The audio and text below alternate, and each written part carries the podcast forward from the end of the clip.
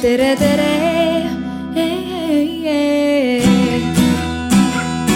Eestimaa.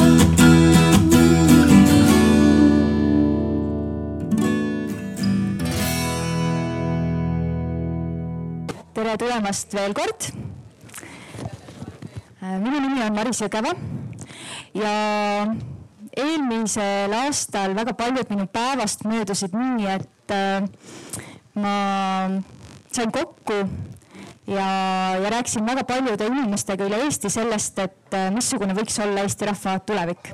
nimelt oli mul auväärne roll koordineerida, kuidas me kestame arutelusid üle Eesti ja ma juhatan sisse kohe ka arutelu, mis on pealkirjastatud, et kas kaheksasada tuhat inimest Eesti jaoks on vähe või palju. Nii et äh, kes siin veel ümbruskonnas on liikumas, tulge julgelt siia lähemale. valige endale üks mugav tool aga, aga siis sissejuhatuseks. tegelikult just aasta tagasi Arvamusfestivalil lükkasimegi me rulluma üle Eesti siis sellise arutelusarja, mille pealkiri oli Kuidas me kestame ja ja selle kõige mõte oli esiteks kutsuda rohkemaid inimesi kaasa mõtlema siis rahvastiku tuleviku teemadel ja teiseks otsida lahendusideid, väga konkreetseid ettepanekuid probleemkohtadele mis tulevad sellest, et, äh, et Eestis inimesi jääb vähemaks. teadmine oli meil ju olemas, et äh, rahvastikuprognoosid pigem näitavad sellist äh, kahanevat inimeste arvu.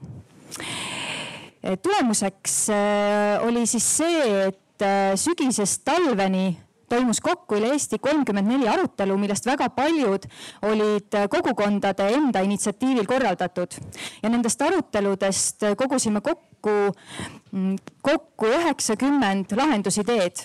Need lahendusideed puudutasid siis väga konkreetseid valukohti, mida inimesed ise tunnetavad ja nad võisid olla nii puudutada tegevusi, mida võiksid ette võtta kohalikud omavalitsused.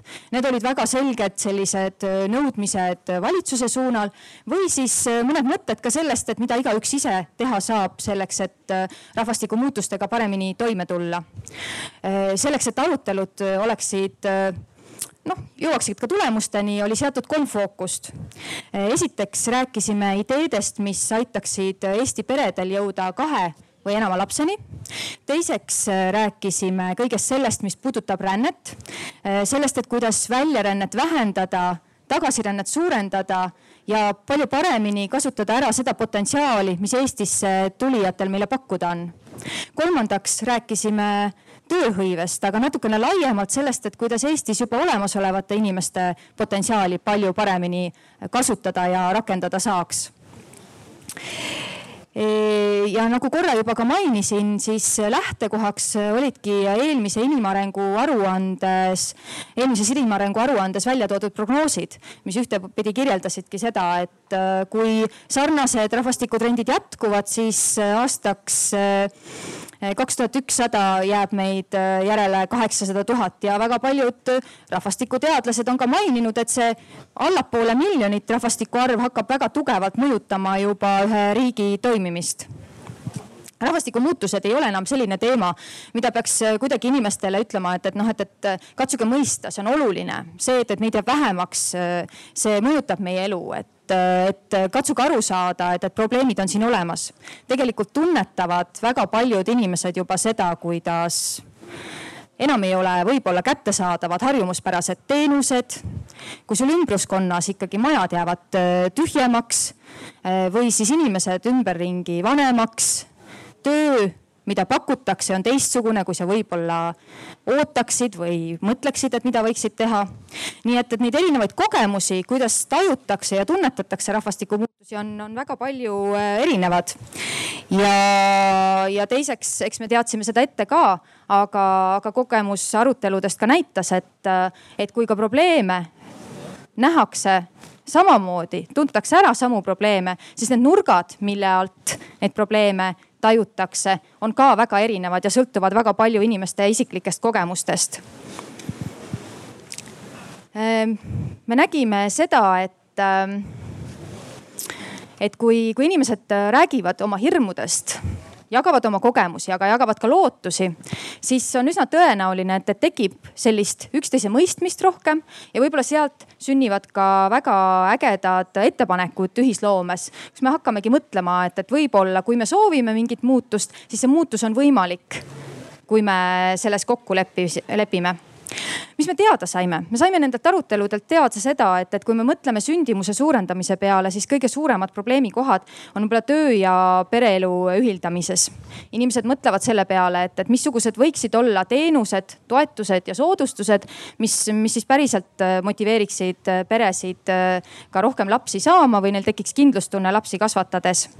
aga väga palju oli juttu ka sellest, et kas me ühiskonnana üldse lapsi ja, ja peresid piisavalt väärtustame, et tekiks ka julgus suuremate perekondadena elada kui rääkida tööhõivest, siis probleemkohad, mis välja toodi ja, ja mille üle enam inimesed südant valutavad, vähemalt meie arutelude kaudu, on noorte ettevõtlikkus ja karjääriõpe.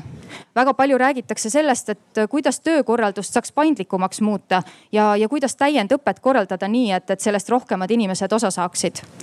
ja kui rääkida rändeteemadest, siis rändeteemadel on kõige suuremaks murekohaks see, et, et miks ikkagi inimesed liiguvad maalt ära linnadesse või välja välismaale. ja, ja kõige rohkem proovitaksegi mõelda, et, et mida annaks teha selleks, et äh, see muutuks.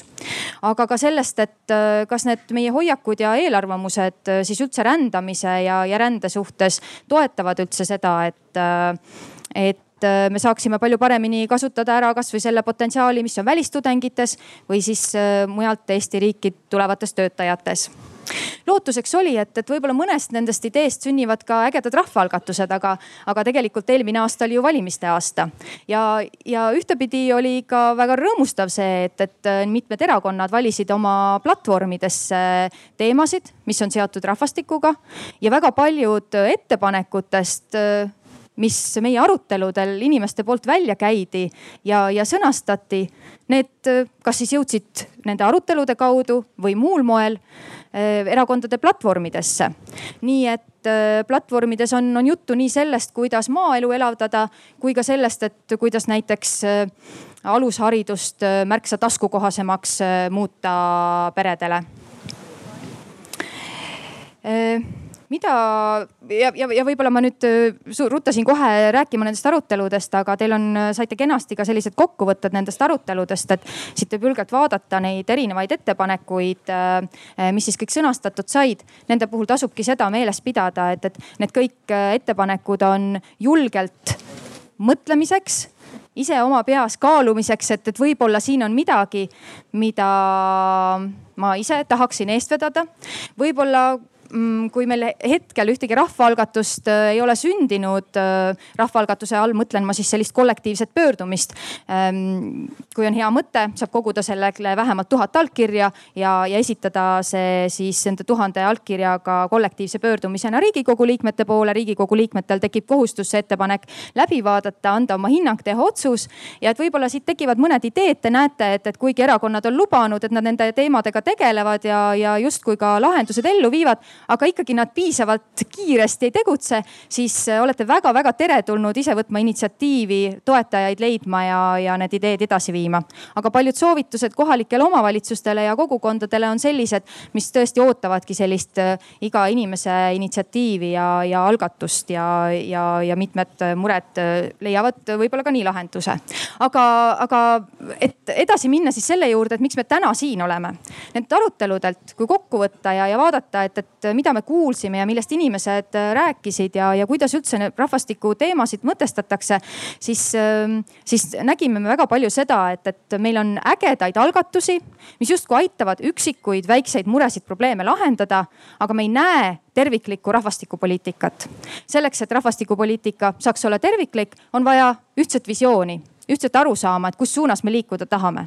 see aga eeldab väga palju omavahel kokkuleppimist ja omavahel üks ühtemoodi äh, siis äh, asjade lahtiharutamist ja, ja mõistmist um,. me aruteludel väga mitmed inimesed ütlesid, et uh, Nad oskavad kirjeldada seda, kus on nende enda kogemused ja kus on nende enda valu kõige suurem. aga nad ei oska pakkuda lahendust, sest et ühtepidi räägitakse väga palju erinevatest faktidest, aga teistpidi ei ole seda kindlustunnet, et ja teadmist, et, et üks või teine lahendus võiks töötada või ka seda, et, et mm, missugune mõte, arvamus või välja öeldud lause siis päriselt kajastab seda, kuidas asjad ka reaalselt on ja see on üks nendest põhjustest, miks, miks olemegi jõudnud tänase arutelu juurde ja miks me tahame astuda nüüd nendest nendest aruteludest, mis üle Eesti toimusid, sammu edasi. et kui me oleme korra vaadanud, et kus on suuremad probleemkohad, kus on need valukohad, millele me lahendusi leida tahame, et, et äh, eestlastena püsima jääda, siis missugused on need võimalikud mõttelõksud, mis võivad takistada meil äh, lahendusteni jõudmast. Selleks ongi täna siin äh, minuga koos kõigepealt äh, Herman Kelomees ja Jüri Käosaar. Äh, Herman on äh, väitlusseltsi eestvedaja ja Jüri haridusentusiast ja nemad kohe tutvustavadki Hans Roslingu metoodikat ja seda, kuidas Hans Rosling aitab keerukate ja selliste riukalike probleemide puhul siis mõtestada lahti just erinevaid mõttelõkse ja aru saada, et kus siis päriselt need faktid olemas on ja see kõik põhineb siis sellisel teooria ja raamatul, mille nimi on Faktitäius. mul õigus peale lühikest äh, sissejuhatust ja selgitust, et millega siis täpselt tegemist on, on meil kõigil siin võimalus täita ära üks eelarvamusküsimustik. see kõik on hästi lihtne, juhendame teid selles töös ja see annab igale ühele sellise hea kogemuse näha, et, et, et äh, kus ja võivad olla siis need natukene sellised nügivad, äh, kavalad äh, mõttelõksud, mis ka meie hoiakuid võivad mõjutada ja, ja võib-olla meie nagu sellist teadmist ka mõjutada sellest, äh, missugused lahendused võiksid aidata meid edasi, kui me tahame siis Eesti kestmajäämiseni jõuda ja kui me oleme selle küsimustiku täitnud ja võib-olla mõnda teemat väiksemates rühmades ka omavahel lahti rääkinud, mis annab meile võimaluse peegeldada seda, et, et kuidas me mõtleme ja mida me arvame sündimuse, rände ja tööhõivega seotud teemadest. võtame me siis äh, kokku kõik selle, mis on toimunud ja, ja proovime seostada ära seda, seda tänast, võib-olla neid, äh, neid häid mõtteid, mis tekkinud on ja võib-olla neid kogemusi ja, ja arusaamisi siis sellega mida me kuulsime ja nägime üle Eesti toimunud äh, aruteludelt. ja me loodame, et kõigest sellest tänasest on kasu selleks, et, et jätkata sisukat, edasiviivat debatti ja ka dialoogi valitsusega nendest valikutest, mis aitavad Eestil äh, kesta Hermanit ja Jürit ma juba tutvustasin, aga tahaksin tutvustada veel Kristi Liivat ja, ja Kaarel Lotti, eh, kes on eh, abiks siis sellel hetkel, kui me anname mikrofoni ka siia platsi juurde ja, ja me läheme sellest eelarvamusküsimustikust edasi. ja ma usun, et, et nüüd see sissejuhatus, mis ma olen teinud, on juba olnudki liiga pikk äh, ning on aeg asuda rääkima päris teemadest. nii et äh, ma annangi sõna Herman ja Jüri, teile.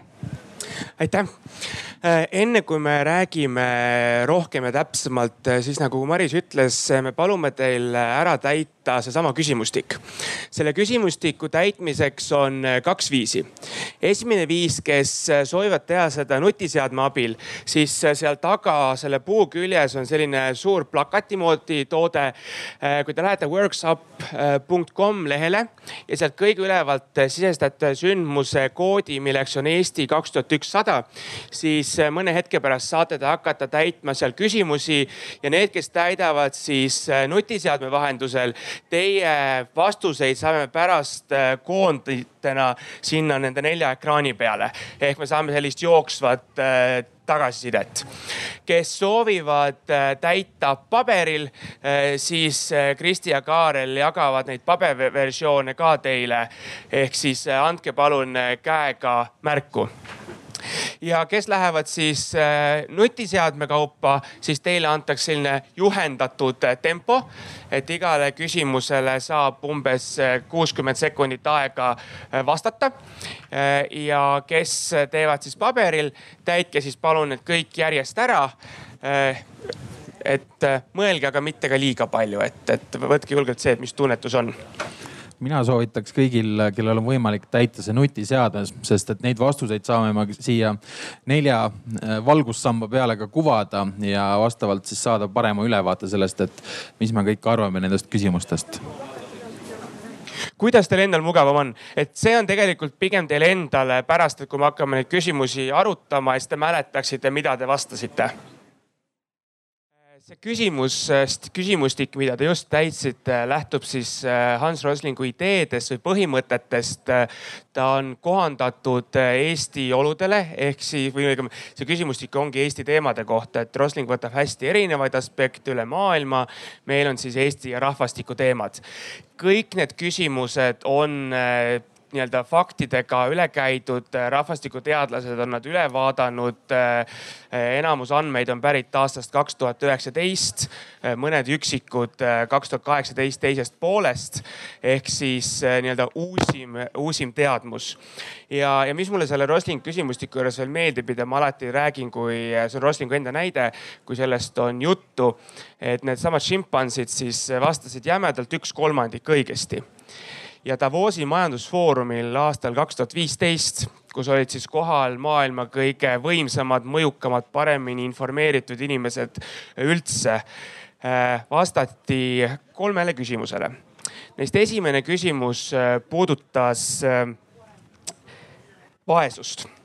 sellele vastas õigesti umbes kuuskümmend protsenti, mis on päris hea aga teine rahvastiku kasvu ja elementaarse arstiabi kättesaadavust vastas õigesti alla kolmekümne protsendi äh, vastanutest. tuletan meelde, maailma kõige paremini informeeritumad, mõjukamad inimesed. ehk siis nad said šimpanside käest äh, lüüa.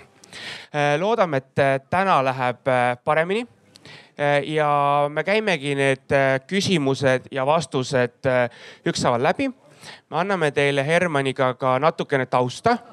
ärge muretsege, te ei pea kiiresti konspekteerima, me anname teile ka sellised äh, faktilehed, kus on äh, kõikide küsimuste taust äh, ära selgitatud. ehk te saate selle pärast kaasa võtta. kas on hetkel küsimusi, enne kui me alustame ja hakkame neid teemasid läbi vaatama? meil on siis kokku neli plokki esimesega alustab Herman. jah, esimesed kaks küsimust, millele te vastata saite, rääkisid äh, rahvastikust ja nüüd on siis see aeg, kus me saame paluda äh, näha vastuseid esimesele küsimustele. Esimene küsimus siis oli. Eestis elab kahe tuhande kaheksateistkümnenda aasta seisuga üks koma kolm umbes miljonit inimest. kuidas on Eesti rahvaarv muutunud, kas A vähenenud veidi kümne tuhande inimese võrra, vähenenud Pärnu linna rahvaarvu võrra umbes viiskümmend tuhat inimest või vähenenud rohkem kui kahekordse Tartu linna rahvaarvu võrra peaaegu kakssada viiskümmend tuhat inimest. grupp kahjuks ei andnud õiget vastust, õige vastus on C nelikümmend kaks protsenti teist arvasid õigesti, et Eesti rahvaarv on äh, kahekümne üheksa aastaga vähenenud rohkem kui kahekordse Tartu linna rahvaarvu võrra. et mulle tundub, et inimestel on enam-vähem ikka teada, et Eesti rahvaarv on vähenenud.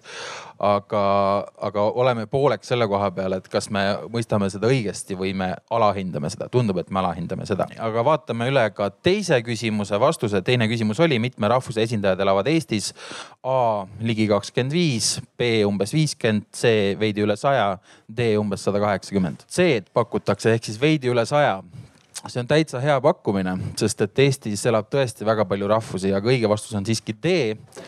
nii, ja umbes sada kaheksakümmend rahvust.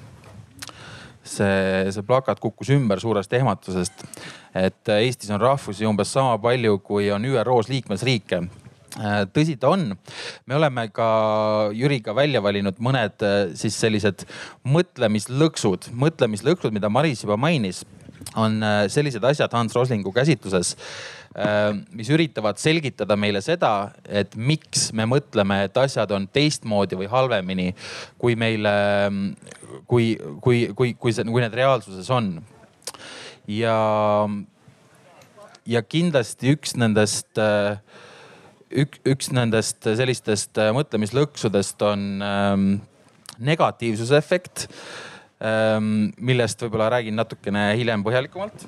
Aga suuruse instinkt on, äh, on siis selline nähtus, millega üle hinnatakse tihtipeale millegi mingisuguse ühiskondliku nähtuse tõsidust või suurust. igal juhul, kuidas see on seotud selle teemaga, jõuan selleni tagasi.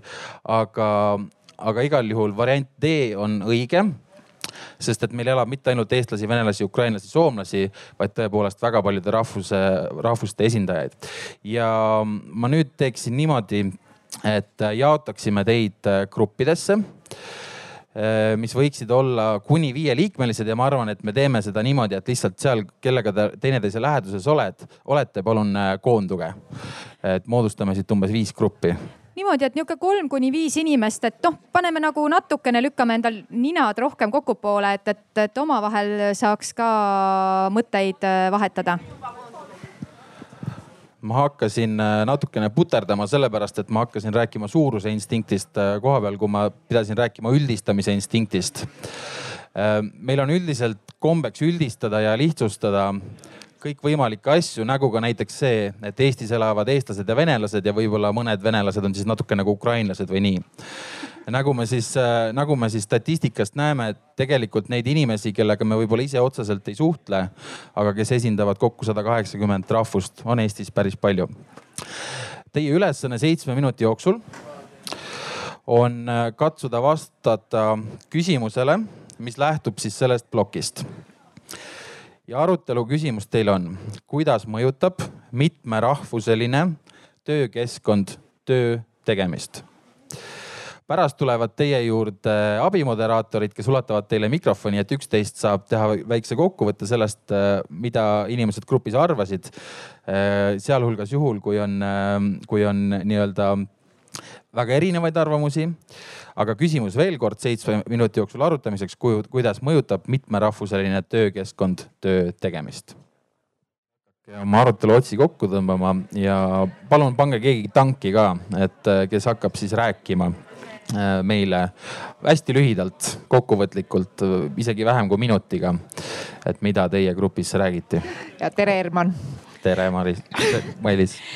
Me olime siin üsna rahulikud ja üksmeelsed, et et loomulikult mitmekesistab, on õige vastus et, äh, et mida rohkem sul on rahvuseid esindatud, äh, mida rohkem sul on erinevaid inimesi esindatud, seda mitmekülgsem on sul seltskond ja mida, seda mitmekülgsemad on ideed. et äh, ja takistusi kindlasti tuleb ka, et me mõtlesime lihtsalt suurte ettevõtete peale, kus ma ei tea, üle maailma inimesed kokku tulevad, on ju, et, et noh, näiteks üks asi, mis meile pähe lõi, oli see, et et äh, töötades, äh, ma ei tea, Eestis äh, ladinaameeriklased sõbrunevad siiski lõpuks ikkagist omavahel, sellepärast et nad on ühtse kultuuritaustaga ja nad ei, ma ei tea, ei suhtle võib-olla selle bulgaarlasest kolleegiga. aga bulgaarlasest kolleeg leiab ühist rohkem, ma ei tea, ukrainlase ja eestlasega. et me väga mingisugust draamat selles küsimuses ei osanud enda jaoks välja võtta. no selge, suur tänu teile liigutame mikrofoni järgmise grupi juurde. me leidsime, et ähm, sellel on oma plussid ja miinused äh, erinevad arvamused olid, leidsime, et asi nagu hästi palju sõltub sellest, et milline see töö iseloom on, milline on see organisatsioon. siin oli näiteks näited sellest, et kui on äh, sõjaväelised üksused, siis selle näite põhjal on väga keeruline panna väga erinevast kultuurist inimesi nagu ühte raamistikku aga teiselt poolt me tõime välja selle, et äh, see rikastab kindlasti, annab teisi vaatenurki, ta rikastab kõigepealt ka ütleme töö sisu ja töö tulemust võib-olla, aga samas ka kõiki inimesi, kes on organisatsioonis ja kindlasti arendab nende maailmapilti. siis üks mõte jooksis läbi, et et äh, võimalik, et kui on hästi palju erinevaid rahvusi, et siis tuleb eraldi noh personali poole pealt tegeleda sellega, et panna mõistma, luua mingisuguseid struktuure või, või formaalseid selliseid kokkuleppeid, et kuidas me siin töötame ja kuidas need asjad käivad. et meil oli erinevaid mõtteid, äh, noh päeva lõpuks kindlasti on see rikastav, aga ilmselt oleneb siis palju ikkagi sellest, et mis on töö sisu ja, ja, ja mis nagu on see eesmärk sellel organisatsioonil, et eh, kui lihtne või, või kerge seda asja on nagu tegelikult ühes supipajas siis kokku keeta. suur tänu ja liigume järgmise grupi juurde. Maris on juba valmis andma minu paremal käel oleva rühmale tere kõigile, liigun mikrofonile lähemale. et eh, meie väikesest grupist eh, üle pooled olid töötanud koos välismaalastega ehk siis kuskil töökeskkonnas, kus jah, vist, vist on okei okay. kus eri rahvused on esindatud. et siis saime oma kogemusi jagada ja üldiselt tuligi üldiselt tuli ikka välja, et äh, nagu ka eelnevad grupid on maininud, et eks ta ikka rikastab. eks on põnev saada teada teiste kultuuride kohta. aga et üldiselt kõik need positiivsed jooned ikka toredad, aga mis tuli ka näiteks negatiivselt välja, et äh, kui inimesed tulevad teistest kultuuridest, võivad olla teised ootused näiteks oma töökeskkonnale ja ka oma kolleegidele. et see on äh, ilmselt siis harjumise küsimus, kuidas, kuidas uus inimene võetakse vastu äh, kollektiivi poolt, aga kindlasti lihtsalt üks asi, mida meeles pidada. aitäh uh, meie põhimõtteliselt arutasime hästi sarnaseid asju ja me leidsime ka, et äh, üldiselt on äh, mitmekesisus tore ja pigem äh, toob asju häid kaasa. võib-olla üks asi, mida ei ole veel mainitud, aga meie mõtlesime ka sellest küljest, et kui näiteks Eesti tuleb üks välismaalane ja ütleme, et ta on töökollektiivis, kus ta on põhimõtteliselt ainuke välismaalane siis temal endal võib olla natukene keeruline see, et kui kõik eestlased ei viitsi näiteks äh, eesti keeles, tähendab inglise keeles rääkida või võib-olla ametlikel kohtadel räägivad, aga koridori peal äh, jutt on ikkagi nagu eesti keeles. et äh, just nendel välismaalastel võib olla kohati keeruline, kui nad on vähemuses. aitäh. räägin jah, et me leidsime siis nagu sellisel seisukohal, et nii positiivsed kui negatiivsed nagu on siis nagu neid mõjusid, mis, aga see on paljus ka sellest töö iseloomust. ja siis on nagu isikulised erinevused, mis on äh, nagu kohalikel ja nendel äh, võõrastel ja kultuurilised erinevused, mis need võivad, aga seal võivad ka, ma räägin mõlemal puhul võivad olla positiivsed ja negatiivsed need, et mitte, mitte ainult nagu mingi ühtlane. aitäh. Minu, minu isiklik arvamus on küll ka see, et et inimesed ühe rahvuse sees erinevad niikuinii rohkem, kui nad üle rahvuse erinevad, et tegelikult äh, see rahvus, noh, kui töökeel on niikuinii üks, näiteks eesti keel, siis ei, ei pruugigi mingit rolli mängida. aitäh. Äh, lähme edasi teise ploki juurde, mis siis äh, puudutab sündimust vaatame kõigepealt, kuidas läks siis kolmanda küsimuse vastamine kolmas küsimus oli, et milline neist riik, millises neist riikidest oli sündimus kahe tuhande seitsmeteistkümnendal aastal kõige madalamal? A on Eesti, B on Belgia, C on Rootsi ja D on Soome. ja nagu meil siin täna kombeks on, siis nii-öelda kolmas kõige vähem populaarne vastus. Äh, ehk siis antud juhul on see D ja Soome, kus oli sündimus kõige madalam nendest neljast äh, riigist. kõige kõrgem oli Rootsis. Äh, lähme edasi, neljas küsimus. oih, vabandust kus neist riikidest on kõige heldem vanemapuhkuse süsteem hüvitise määra ja pikkuse osas? Äh, A Eesti, B Belgia, C Rootsi ja D Soome. jah Eestis on tõesti antud valimist äh, kõige heldem vanemapuhkussüsteem äh, ja, ja suhteliselt suurelt. Te nüüd kahjuks tegite mulle üks-null. ma tahtsin siin rääkida praegu sellisest sirg või sellisest negatiivsusinstinktist, et, et me eeldame, et kuna meil rahvastik väheneb ja sündimus on madal, et nii-öelda meil on ka siis puhkuste ja toetuste süsteem madal, et selline eeldus negatiivsel baasil. Aga õnneks äh, see teie puhul ei kehti. aga, aga lihtsalt põnev sihuke remark, et kõige heldema süsteemi juures rahaliselt ei ole kõige kõrgem sündimus. viies küsimus praegu sünnitusea lõppu jõudvatel naistel on Eestis keskmiselt üks koma kaheksa kuni üks koma kaheksakümmend viis last. kui suur osa naistest sooviks enda perre tegelikult kolm või enamat last?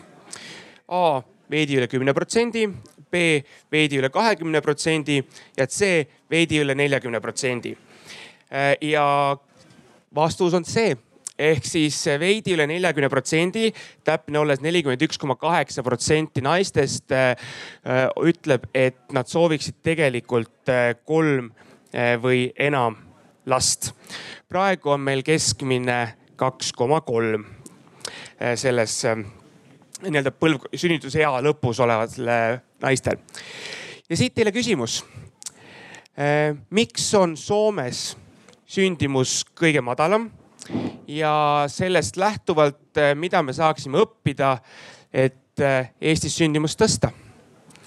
miks on Soomes sündimus kõige madalam ja sellest lähtuvalt, mida me saaksime õppida, et Eestis sündimust äh, tõsta.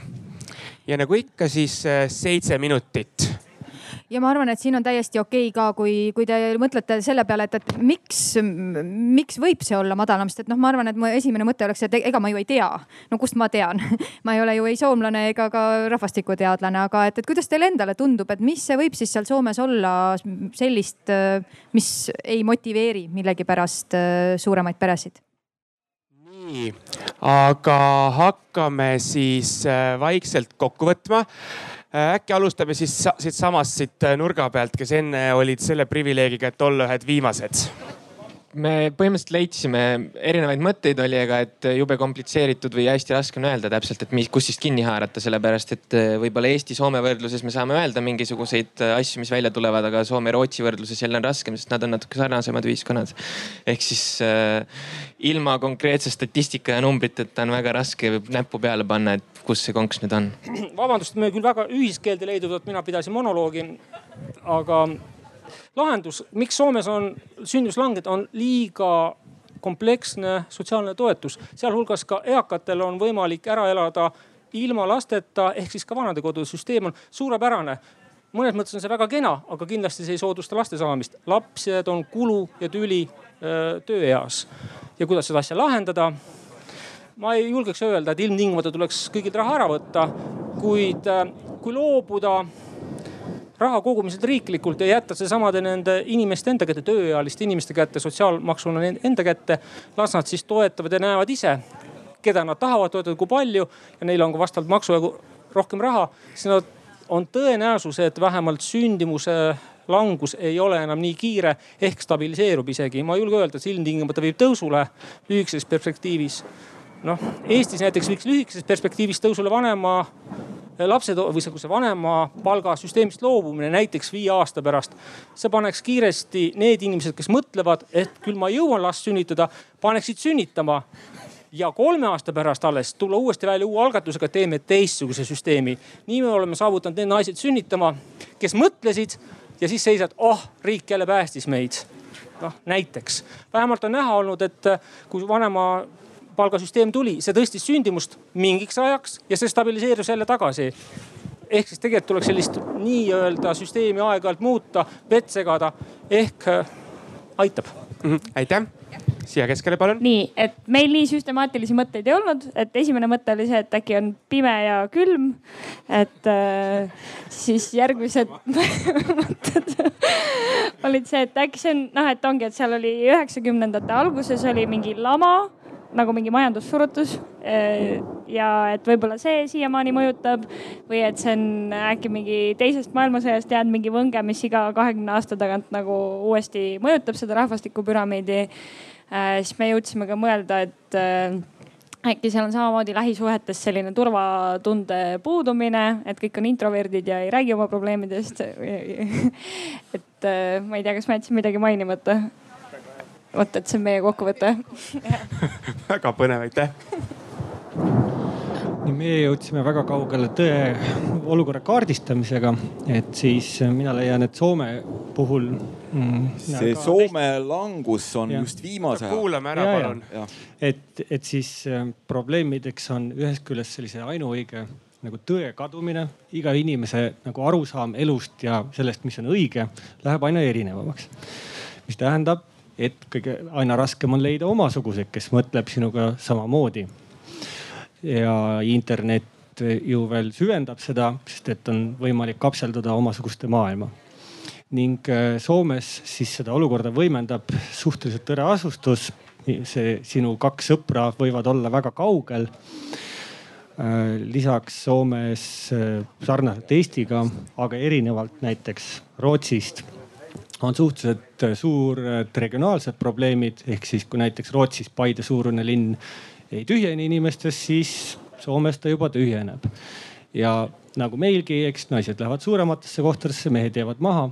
et võimalik, et ka sellise regionaalse ebavõrdsuse vähendamine aitaks võidelda selle sündivuse langusega.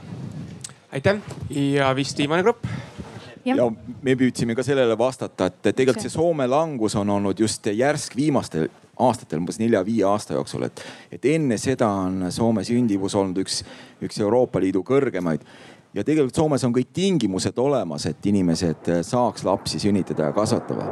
ja tegelikult sellel ei olegi pädevat teaduslikku või faktoloogilist vastust, et miks see nii on.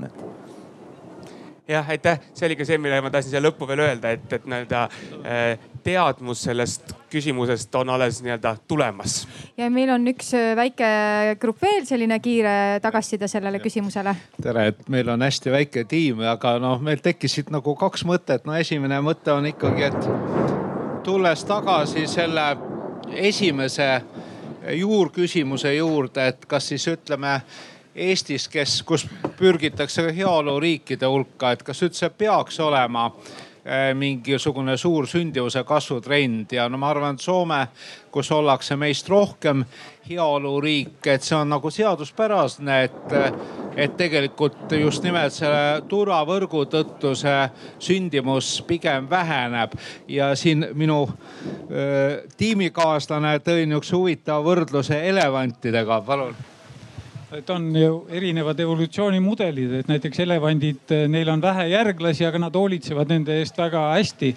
ja siis on hiired näiteks, kellel on väga palju järglasi ja lootuses, et ehk mõni jääb ellu, nii et eh, nagu võib-olla soomlased on teinud oma valiku. Aitäh selle kommentaari eest, lähme edasi ma tahaks kiirelt kinni haarata sellest, mida ütles Leo Kunnas, et faktoloogiliselt on äh, raske siin midagi määratleda, et see ongi hea hetk ähm, öelda, miks see meie inspiratsiooniallikas Hans Rosling on äh, factfulness või faktitäius enda raamatule nimeks pannud, et see on mõtteviis mille kohaselt me ei oma tugevaid seisukohti ilma selleta, et me teaks kindlaid fakte. nii et ma usun, et meie oleme tänase arutelu jooksul seda põhimõtet väga hästi järginud ja me asume nüüd äh, kolmanda teemaploki juurde. Ja vihma on kohe-kohe hakkamas sadama ja ma usun, et see on sellepärast, et järgmine teemaplokk on ränne. Aga me ei lase üldse vihmal äh, ennast segada, eks ju, et selles mõttes ongi hea, et inimesed on rohkem lähestikku koos ja, ja kes on nüüd liitunud, siis äh, leidke seltskond, kellega mõtteid vahetada. olgu Läheme järgmiste küsimuste juurde, mida eh, igaks juhuks siis mainin neile, kes on tulnud vahepeal. et eh, siin arutelus alguses kohal olnud on täitnud eh, nutiseadmete teel ühe küsimustiku erinevate rahvastiku ja rändega seotud küsimuste kohta. ja, ja need küsimuste vastused või koondtulemused on need, mida me hakkame siin siis kuvama. võtame ette küsimuse number seitse, mis kõlas. kui palju inimesi tohib aastas tulla pikemaajaliselt Eestisse tööle väljaspoolt Euroopa Liitu? A tuhat kolmsada viisteist, B kaks tuhat kuussada kolmkümmend, C üheksa tuhat viissada inimest ja kuvame vastuseid. A oli tuhat kolmsada viisteist, B kaks tuhat kuussada kolmkümmend, C üheksa tuhat viissada.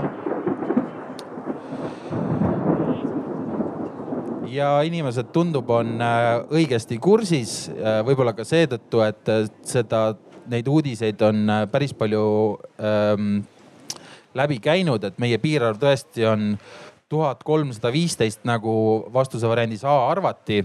ja see on siis äh, täpselt üks tuhandik Eesti rahvaarvust ehk null koma üks protsenti iga tuhande Eesti inimese kohta tohib aastas tulla üks inimene väljaspoolt Euroopa Liitu vaatame küsimust number kaheksa, mis kõlas, need vastused võib juba kuvada. Äh, kui paljud elamisloa alusel Eestisse väljaspoolt Euroopa Liitu saabujatest on kõrgharidusega, kas ligi kümme protsenti, veidi üle kahekümne protsendi või C üle neljakümne protsendi? tundub, et on tihe rebimine siis selle vahel, et kas on veidi üle kahekümne või üle neljakümne protsendi. tõepoolest vastus C on õige üle, üle neljakümne protsendi neist on äh, kõrgharidusega ehk siis ähm, ja, vaatame ka küsimust number üheksa, mis kõlas, milline oli kahe tuhande kaheksateistkümnendal aastal Eestis väljaspoolt Euroopa Liitu elamisloa alusel elavate välismis, välismaalaste keskmine töötasu. ehk siis need tuhat kolmsada viisteist inimest, kui palju nad keskmiselt palka saavad. kas A suurem võrreldes Eesti keskmisega, B sama võrreldes Eesti keskmisega või C väiksem võrreldes Eesti keskmisega ja olete väga õigesti pakkunud. tõenäoliselt juba saades aru, mis trikk selle küsimustikuga on. et, et see palk neil on suurem võrreldes Eesti keskmisega ja enamuse moodustavad neist äh, juhid või äh, oskust äh, või siis tippspetsialistid vabandust, nelikümmend kaks protsenti vist moodustasid selle. ja vaatame, vaatame küsimust number kümme. mitmendal kohal oli Eesti Euroopa Liidus kahe tuhande seitsmeteistkümnendal aastal kahekümne kuni kuuekümne nelja aastaste tööhõive määra ehk selle poolest, kui suur osa tööealisest rahvastikust on tööga hõivatud. ehk siis kui palju inimestest, kes võiksid teha tööd, seda reaalselt ka teevad. täpselt sama palju pakuti seda, et on A kolmandal kohal ja B seitsmendal kohal. ja natuke vähem siis seda, et, et see on C kaheteistkümnendal kohal.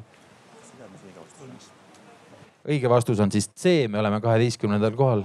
ei, jah, A, vabandust, A on õige vastus, oleme kolmandal kohal aga jällegi üks selline vastus, kus äh, siis väiksem osa arvas, äh, arvas õigesti sellest vist on natuke ka juttu olnud, et äh, tegelikult Eestis on läbi aegade kõige suurem osa rahvastikust tööhõives osalemas. et, et see on üks selline huvitav fakt, mille peale me ei mõtle, vaid me mõtleme pigem nagu selle peale, et, et inimesed ei tööta suurepärane äh,. tahan tänada kõiki, kes on vahepeal selle aruteluga liitunud. ma saan aru, et see on nii põnev, et äh, te olete lihtsalt olnud sunnitud seda kuulama tulema äh,. sest et sellisest põnevusest ei taha ilma jääda. aga ma püstitan nendele samadele gruppidele mis võivad nüüd siis vastavalt laieneda, sest et me ei saa rohkem, äh, rohkem seda mikrofoni ringi ulatada kui neljale-viiele grupile. Äh, siis veel ühe ülesande püstituse ja minu küsimus teile kõlab. kas ja kuidas on võimalik leida tippspetsialiste ja muid selliseid inimesi ainult Euroopa Liidust ilma rändekvooti tõstmata? kas ja kuidas on võimalik leida tippspetsialiste ainult Euroopa Liidust ilma rändekvooti tõstmata? Nii, aga mõtlemisaeg hakkab täis saama äh, alustame siis taaskord ja alustame sealt, sest Kaarel saab väga hästi mikrofoniga ligi kohe. see ränne on ikkagi tegelikult ümber pööranud juba, et minu meelest Eestis tuleb tagasi praegu rohkem. ja ma arvan, et kuna siin need grupid on natukene ka läinud kohati segamini, siis võib täitsa julgelt nagu need kõige niisugused konkreetsemad, need üksikud mõtted anda edasi järgmistele, järgmistele, et, et ühe telgi poole ja siis kuulame teise telgi poole ära nii äh, Euroopa Liidust siis, äh, kuidas leida tippspetsialiste, mõtlesime kaks varianti, üks on äh, väga tihe koostöö ülikoolidega, sest tegelikult meil on neid tippspetsialiste ka ülikoolidesse vaja et teha niimoodi seda koostööd ja kasutada ära nende võrgustikku. ja teine, et me oleme küll e-riik, aga seda meie enda kodaniku jaoks, et teha see välismaalastele äh, kogu see dokumendihaldus äh, veelgi lihtsamaks, sealjuures ka siis äh, koostöö personaliosakonnaga, et kuidas aidata teha seda kõike lihtsamaks ja just need kaks lahendust mõtlesime välja. meie saime natuke oma tiimi laiendada, me saime küllaltki tuntud rahvastikustatistika eksperdi ja tema mõju all siis me ikkagi leidsime seda, et noh, tegelik äh, suur küsimus, mille üle peaks nagu diskuteerima, on nende nii-öelda lihttöö tegijate äh, kvoot ja selle suurus, aga et need spetsialistide punkt üks suur osa nendest on juba viidud kvoodi alt välja, mõtlen igasuguste tehnoloogia startup idega seotud inimesed või need, kes loovad oma ettevõtet. ja võib-olla nende jaoks, kes siis nagu tõesti on siin mingi suure kontserni eh, noh juhtivtöötajad kuskilt eh, tuuakse võib-olla teisest maailma otsast.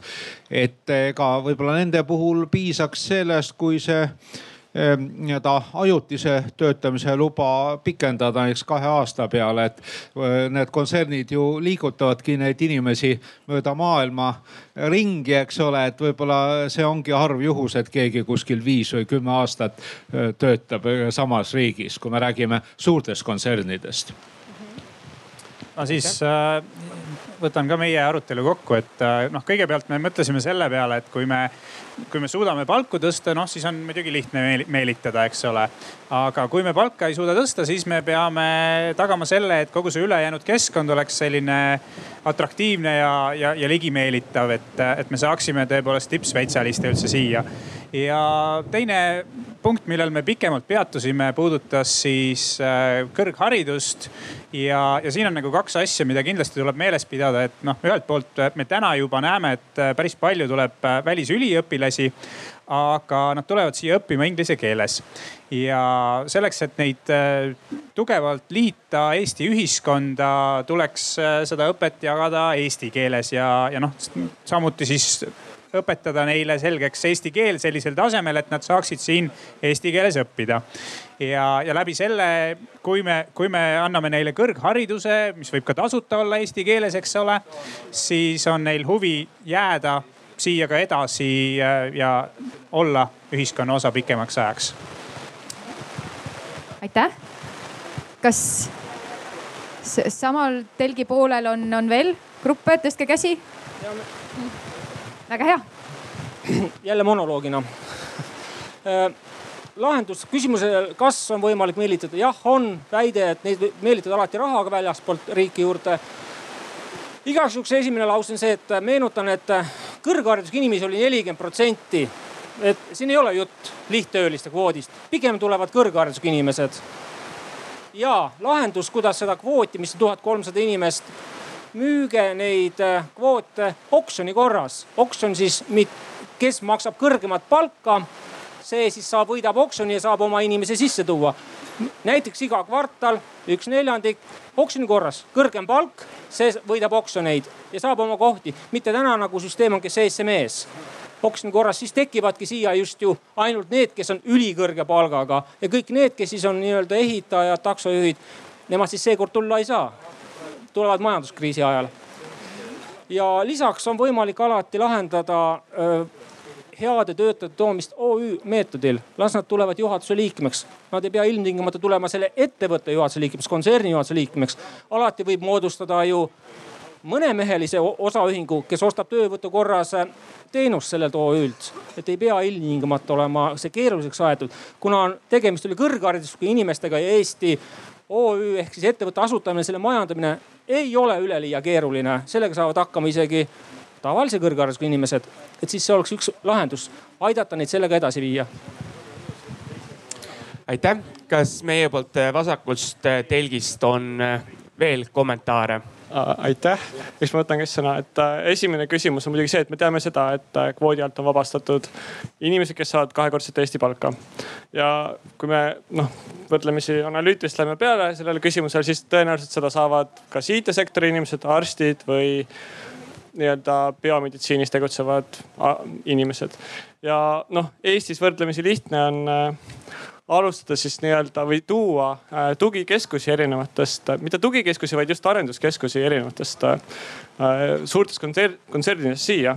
ja see ei nõuaks ka meilt nii-öelda ülikoolidelt meeletult suurt äh, panust, sest IT-tase juba on võrdlemisi hea siin Eestis ja, ja kui me mõtleksime, et miks mitte biomeditsiin, siis see jällegi nõuaks võrdlemisi palju tööd ülikoolidelt, et arendada ka Eesti-poolset nii-öelda tuge ja see ei ole nii kiiresti ülevõetav kui näiteks IT. aitäh. kas kõik, kes äh, soovinuks sõna saada, on seda saanud? väga hea. ma korraks äh, tuletan meelde seda, et, et kui te nüüd kuulete erinevaid äh, mõtteid, mida jagatakse ja võib-olla tekib selline kihk, et tahaks kas vastu vaielda või öelda mõne teise argumendi, kas siis äh, selle väite toetuseks või siis just vastu. aga seda võimalust justkui ei anta, siis meil on siin selline parkimistahvel, et, et võite ka peale arutelu tulla või võite ka arutelu ajal tulla ja selle mõtte siia tahvlile siis kirja panna ja, ja selle siia jätta, et, et mõnda võib-olla saab pärast hiljem ka kokkuvõttes puudutada? nii, aga lähme siis äh, neljanda ja ühtlasi viimase ploki juurde, kus, mis algab küsimusega üksteist. ja küsimus äh, on siis selline kuidas on muutunud tööealiste ja ülalpeetavate ehk eakate ja laste suhe viimase kümne aasta jooksul? A ülalpeetavate hulk on pidevalt vähenenud, tööealiste oma kasvanud. B nii ülalpeetavate kui tööealiste hulk on jäänud enam-vähem samaks vaid see äh, ülalpeetavate hulk on pidevalt kasvanud, tööealiste oma vähenenud. ja seekord on äh, nii-öelda rahvas tark ehk siis C ja kuuskümmend kaheksa protsenti on õige äh, vastus ehk siis ülalpeete hulk kasvanud, tööealiste oma vähenenud. kaheteistkümnes küsimus. kui suur oli Eestis kahe tuhande kaheksateistkümnendal aastal keskmine brutopalk ja kuidas see on viimastel aastatel muutunud? A üheksasada eurot ja veidi vähenenud B tuhat ükssada eurot ja pole viimastel aastatel väga muutunud või C tuhat kolmsada kümme eurot ja on kiiresti kasvanud. tõesti, C on õige vastus ehk siis eh, tuhat kolmsada kümme eurot ja kiiresti kasvab. Ja viimane kolmeteistkümnes küsimus. Eestis on kokku ligi kuussada tuhat töökohta. kui paljud neist olid kahe tuhande üheksateistkümnenda aasta alguses täitmata? A ligi tuhat viissada B ligi üksteist tuhat viissada, C ligi kakskümmend viis tuhat viissada või D ligi viiskümmend tuhat. Äh, õige vastus on siiski B ehk ligi üksteist tuhat viissada töökohta ehk siis äh, see on natuke meie selline äh, hirmu või sirgjoone instinkt, et me kipume võtma andmeid ja panema neid siis liialdama. kuues küsimus jäi vahele. ohohoo, kas äh me anname teile arutluse ära ja siis me tuleme selle juurde kohe tagasi. aitäh aga seni, kuni me siis vaatame kõik ilusti üle, annan ma teile päevakajalise ja, ja irooniliselt hästi lihtsa küsimuse. Mida teha pensionisüsteemiga? seitse minutit, jõudu tööle. aga aeg on taaskord täis jooksnud. kustpoolt me seekord alustame? võtame jälle meie poolt paremalt, siis seal on kaar ilusti valmis. tervist, et äh, me arutasime siin mitmeid asju, aga mõtlesime, et praegune süsteem, kus on esimene, teine ja kolmas sammas, tegelikult annab kõik eeldused, et äh, tulevikus oleks suhteliselt normaalne pension. aga praegu kõige suurem probleem on selles, et inimesed, inimestel on võib-olla vähe teadmisi selle süsteemi kohta, et ei tea, kuidas see raha lõpuks sealt saab välja võtta, kuidas see kasvab ja mis aspektid seal kõik on, et kõige olulisem oleks inimesi harida. aitäh, anname mikrofoni sinna kohe taha edasi et äh, haakudes natuke selle pensionisüsteemiga, tähendab seni kehtinud, eks ole, kuni, kuni selle aastani kehtinud pensionisüsteemi järgi ma ei tea, keegi võib arvata, mitu protsenti iga edasi lükatud pensioni väljavõtmise kuu eest tõsteti pensionit kas keegi tahab äh, pakkuda? ma võin ise ka pakkuda, sest ma olen seda teinud, aga kas keegi arvab ära? Eh, riigi poolt äh, pakutud investeerimisvõimalus tähendab iga kuu eest tõusis pension, esimene sammas siis eh, null koma üheksa protsenti ehk kümme koma kaheksa protsenti aastas, kui lükkasid aasta edasi pension ja ma arvan, see oli äh, päris huvitav stiimul. noh, mina näiteks lükkasin edasi poolteist aastat, ma käin praegu ka tööl. aga väga vähesed inimesed kasutasid seda nüüd uus pensionisüsteem muudab selle asja natukene noh komplitseeritumaks, kuigi sealt võib tuletada selle, et kes julgeb viis aastat pensionit edasi lükata, see saab esimesest sambast topeltpensioni kahekordse pensioni. aga siin minu rühmakaaslased tõid ka oma noh koolitusarutelust välja sellise asja, et osa inimesi räägib, et tööorjus et äh, miks nad äh, hakkasid pensioniks, et saaks vabaks tööorjusest. ja noh, siit me jõudsime selle juurde, et ilmselt ka seda töökeskkonda tuleb muuta vanemate inimeste jaoks. ilmselt tuleb rohkem soosida ka osaajaga töötamist. nii et noh, nagu äh, ikka ei ole ühte head lahendust. aitäh, kas sellest telgist on veel arvamusi? Selge, aitäh, siis lähme meie poolt äh, vasakpoolsesse telki edasi.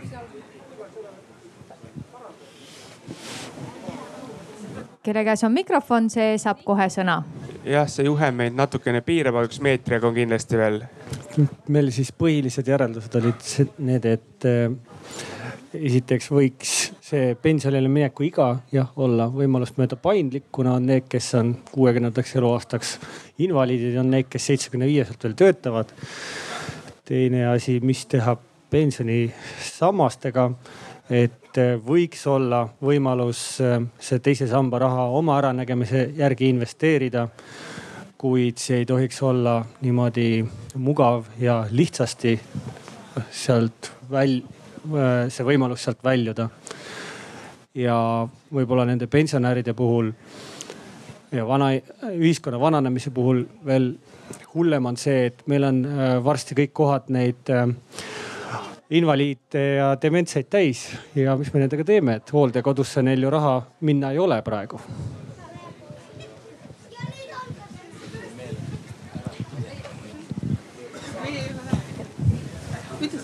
veel mõned ideed? või küsimused või mured? pensionisüsteemiga tegelikult üks kindel garantii on ainult, et see võiks nagu kesta ja olla jätkus, jätkusuutlik, on see, et riigi SKT lihtsalt kasvab järk-järgult, et ja võimalused paranevad. säästmisega on selline lugu, et ma hakkasin lihtsalt mõtlema selle üle, et üheksakümmend kaks, kui kroon tuli, ma sain esimese palga, selle suurus oli kolmsada kakskümmend krooni, mäletan seda siiamaani. ja kui ma oleks näiteks säästnud sellest kolmkümmend krooni, siis palju oleks selle väärtus täna? et ma jäin mõtlema selle üle, et, et praeguse tolleaegse ühe krooni siseriiklik ostujõud on umbes sama suur nagu kaks eurot praegu. siis on küsimus see, et mis on praeguse euro ostujõud kolmekümne aasta pärast. et see teeb selle pensionifondide osa nagu raskeks, et ma olen ise ka kolmandast sambast näiteks loobunud, kuna selle tootlus oli täiesti väike, et, et inimesed lihtsalt noh, mida saab teha, on individuaalselt osta kinnisvara, maad, metsa, kulda. Need on nagu väärtused, mis kestavad. aitäh, kohe palun andke mikker enda selja taha edasi. ideena jah, loomulikult pensionisüsteemis ei ole probleemiks mitte teine sammas teine sammas on lihtsalt, seal ei ole konkurentsi. konkurentsi tuleb muuta, see on nüüd uus seadus, mis muudeti, selle oleks võinud lasta menetluda, aga seal võib, veel saab konkurentsi muuta. ja probleem ei olegi mitte nii väga teises sambas, probleem on alati esimeses sambas, see, mis on tegelik ja põhiline. just esimene sammas on kindlalt hääbumas ja hääbumas lihtsalt sellepärast, et kui äh, demograafiline olukord halveneb, siis just jõukam äh, ja rohkem sotsiaalmaksu maksvad inimesed lähevad ja erodeeruvad sellest süsteemist, nad leiavad teise tee, näiteks lähevad Soome tööle OÜ kaudu, dividendide kaudu, üritavad põgeneda süsteemist ja sellest kõige suurema mulje ja, või tagasilöögi saab e-, alustuseks meditsiinisüsteem ja sealt tagajärjena jõuab see ka öö, pensionisüsteemi. Ja lahendusena pakuksin välja jätkata siiski tänase esimese sambaga, kuid teha niimoodi, et näiteks kakskümmend protsenti enda poolt sotsiaalmaksust makstavast summast maksaks iga sotsiaalmaksu maksev inimene täpselt sellele, kellele ta seda tahab. näiteks iga aasta tuludeklaratsiooniga deklareerides, millises proportsioonis ta tahab maksta kellele kui palju näiteks. näiteks viiskümmend protsenti isale, viiskümmend protsenti emale või mingis teises proportsioonis.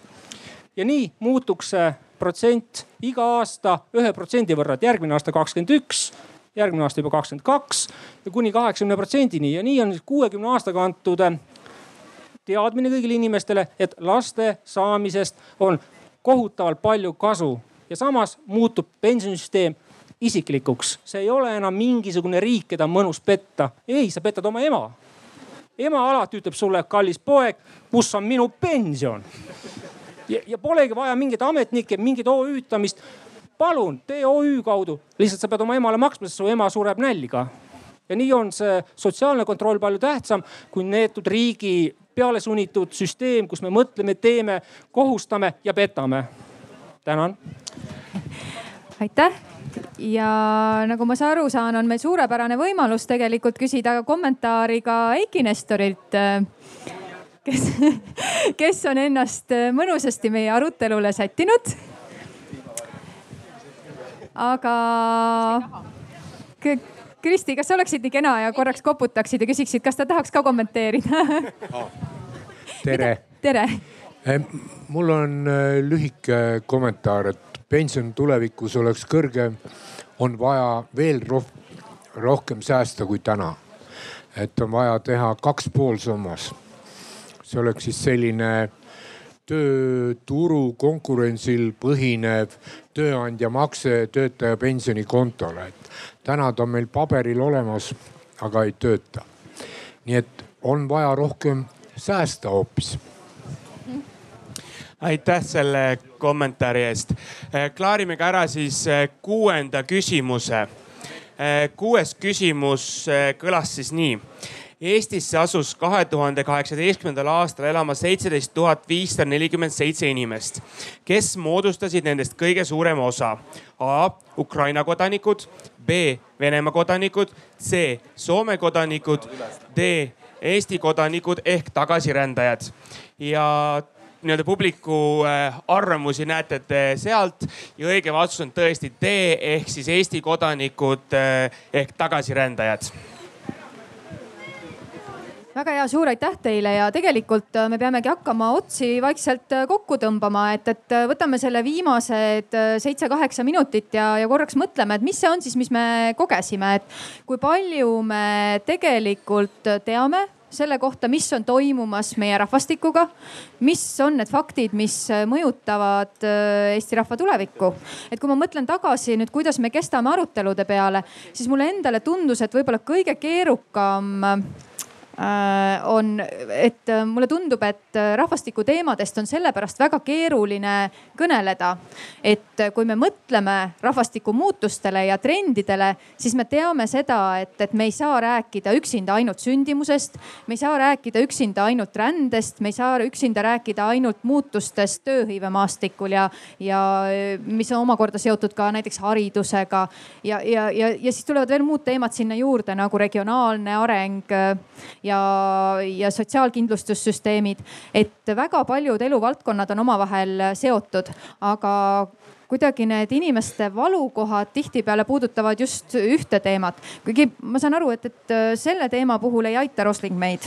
see, et, et me kipume nagu ühest sellisest riukalikust probleemist välja võtma nagu selle oma valukoha ja, ja sellele keskenduma ja nägema lahendusi ainult nagu selles ühes väikeses kitsas probleemi nüansis, see, selles vist Rosling ei aita. ma arvan, et ta võib ikka aidata, soovitan jätkuvalt seda raamatut lugeda. faktitäius, Factfulness on selle nimi ja mul on mulle tundub, et äh, võib-olla kiire kokkuvõte, et kuidas need vastused umbes olid siis grupis. esiteks te olite väga tublid, sest et enamasti, enam, äh, enamasti äh, vastas kõige rohkem inimesi õiget vastust. aga kui me vaatame nüüd näiteks ka seda viimast küsimust, see on, ma arvan, väga hea näide sellest, et kuidas õige vastus sai küll kõige rohkem hääli, aga ikkagi vähem kui enamuse. ja ma arvan, et see oli selline keskmine tendents siin täna, kus on keskmisest oluliselt arukam, äh, teadlikum seltskond. ja, ja mulle endale tundub, et äh, vähemalt ma ei tea, kas Roslingu, aga vähemalt mu enda järeldused, et miks inimesed võib-olla negatiivsemalt äh, mõtlevad kui on tegelik reaalsus. noh näiteks just selles küsimuses, et eestlasi tuleb tegelikult päris palju tagasi. on esiteks, et me oleme äh, programmeeritud ajalooliselt või juba evolutsiooniliselt reageerima ohtudele ja olema igasuguste ohtude osas äh, väga valvsad, sellepärast et enamus aega, äh, kui nüüd viimased sada aastat välja arvata, oleme me elanudki objektiivselt ohtlikus maailmas ja, ja neid samu ohte mulle tundub, et meedia teinekord ka võib-olla natukene võimendab, saades aru, et inimesi huvitab see, mis on dramaatiline ja traagiline, võib-olla ka näiteks rändega seoses.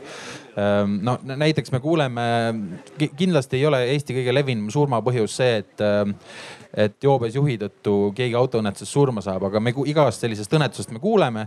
me ei kuule uudiseid sellest, et mees sõitis kaine peaga Tallinnast Tartusse ja jõudis koju.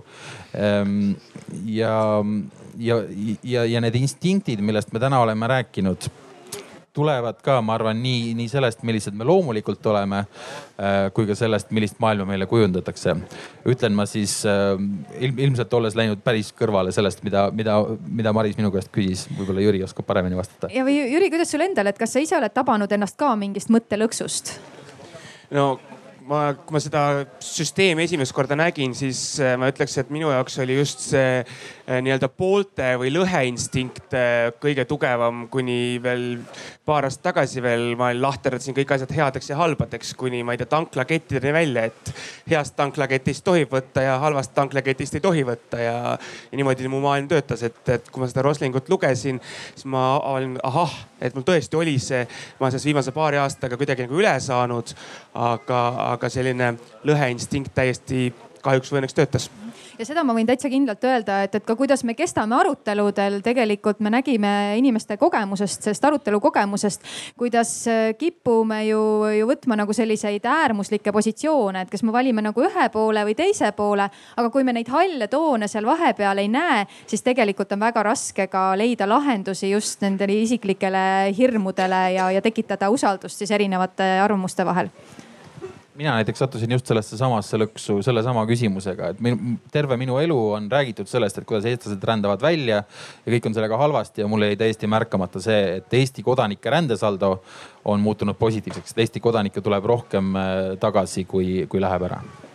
Aga ma küsiks siis korra teilt, kes te olete nüüd äh, selle protsessi kaasa teinud pooleteise tunni jooksul, et, et kas keegi tahaks seda niisugust oma kogemust jagada just sellest, et äh, vot arvasin nii kuulasin, et fakt on hoopis selline ja pärast teistega arutledes sain aru, miks minu hoiak on kujunenud ühtemoodi või teistmoodi.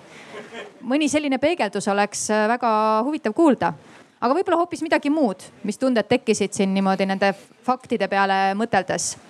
et andke käega märku, kes tahaks jagada mm? -hmm. tundub, et äh, see on siis võib-olla küsimus, mis jääb, äh, mis jääb teid saatma. suur aitäh teile aitäh, äh, Jüri ja Herman, et äh, te olete selle töö ette võtnud ja, ja need rahvastiku arenguga seotud teemad äh, küsimustesse pannud ja, ja aidanud kaasa sellele, et, et meil tekiks uut teadmist.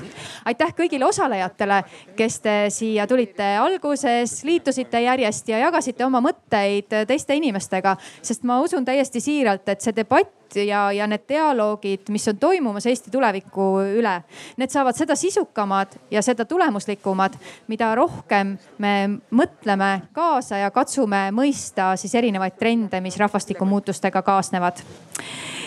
ilusat festivali teile ja ma ütleks veel, et äh, kes tahab koju kaasa võtta selliseid lehti äh, ja ka nii-öelda küsimustik ja faktilehti on veel meil täiesti juures, et neid saab äh, näiteks Kristi käest küsida ja võtta.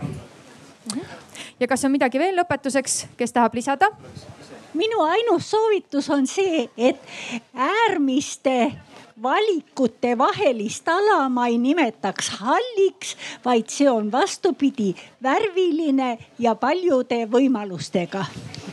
suur aitäh, see oli tõeliselt ilus äh, kokkuvõte. aitäh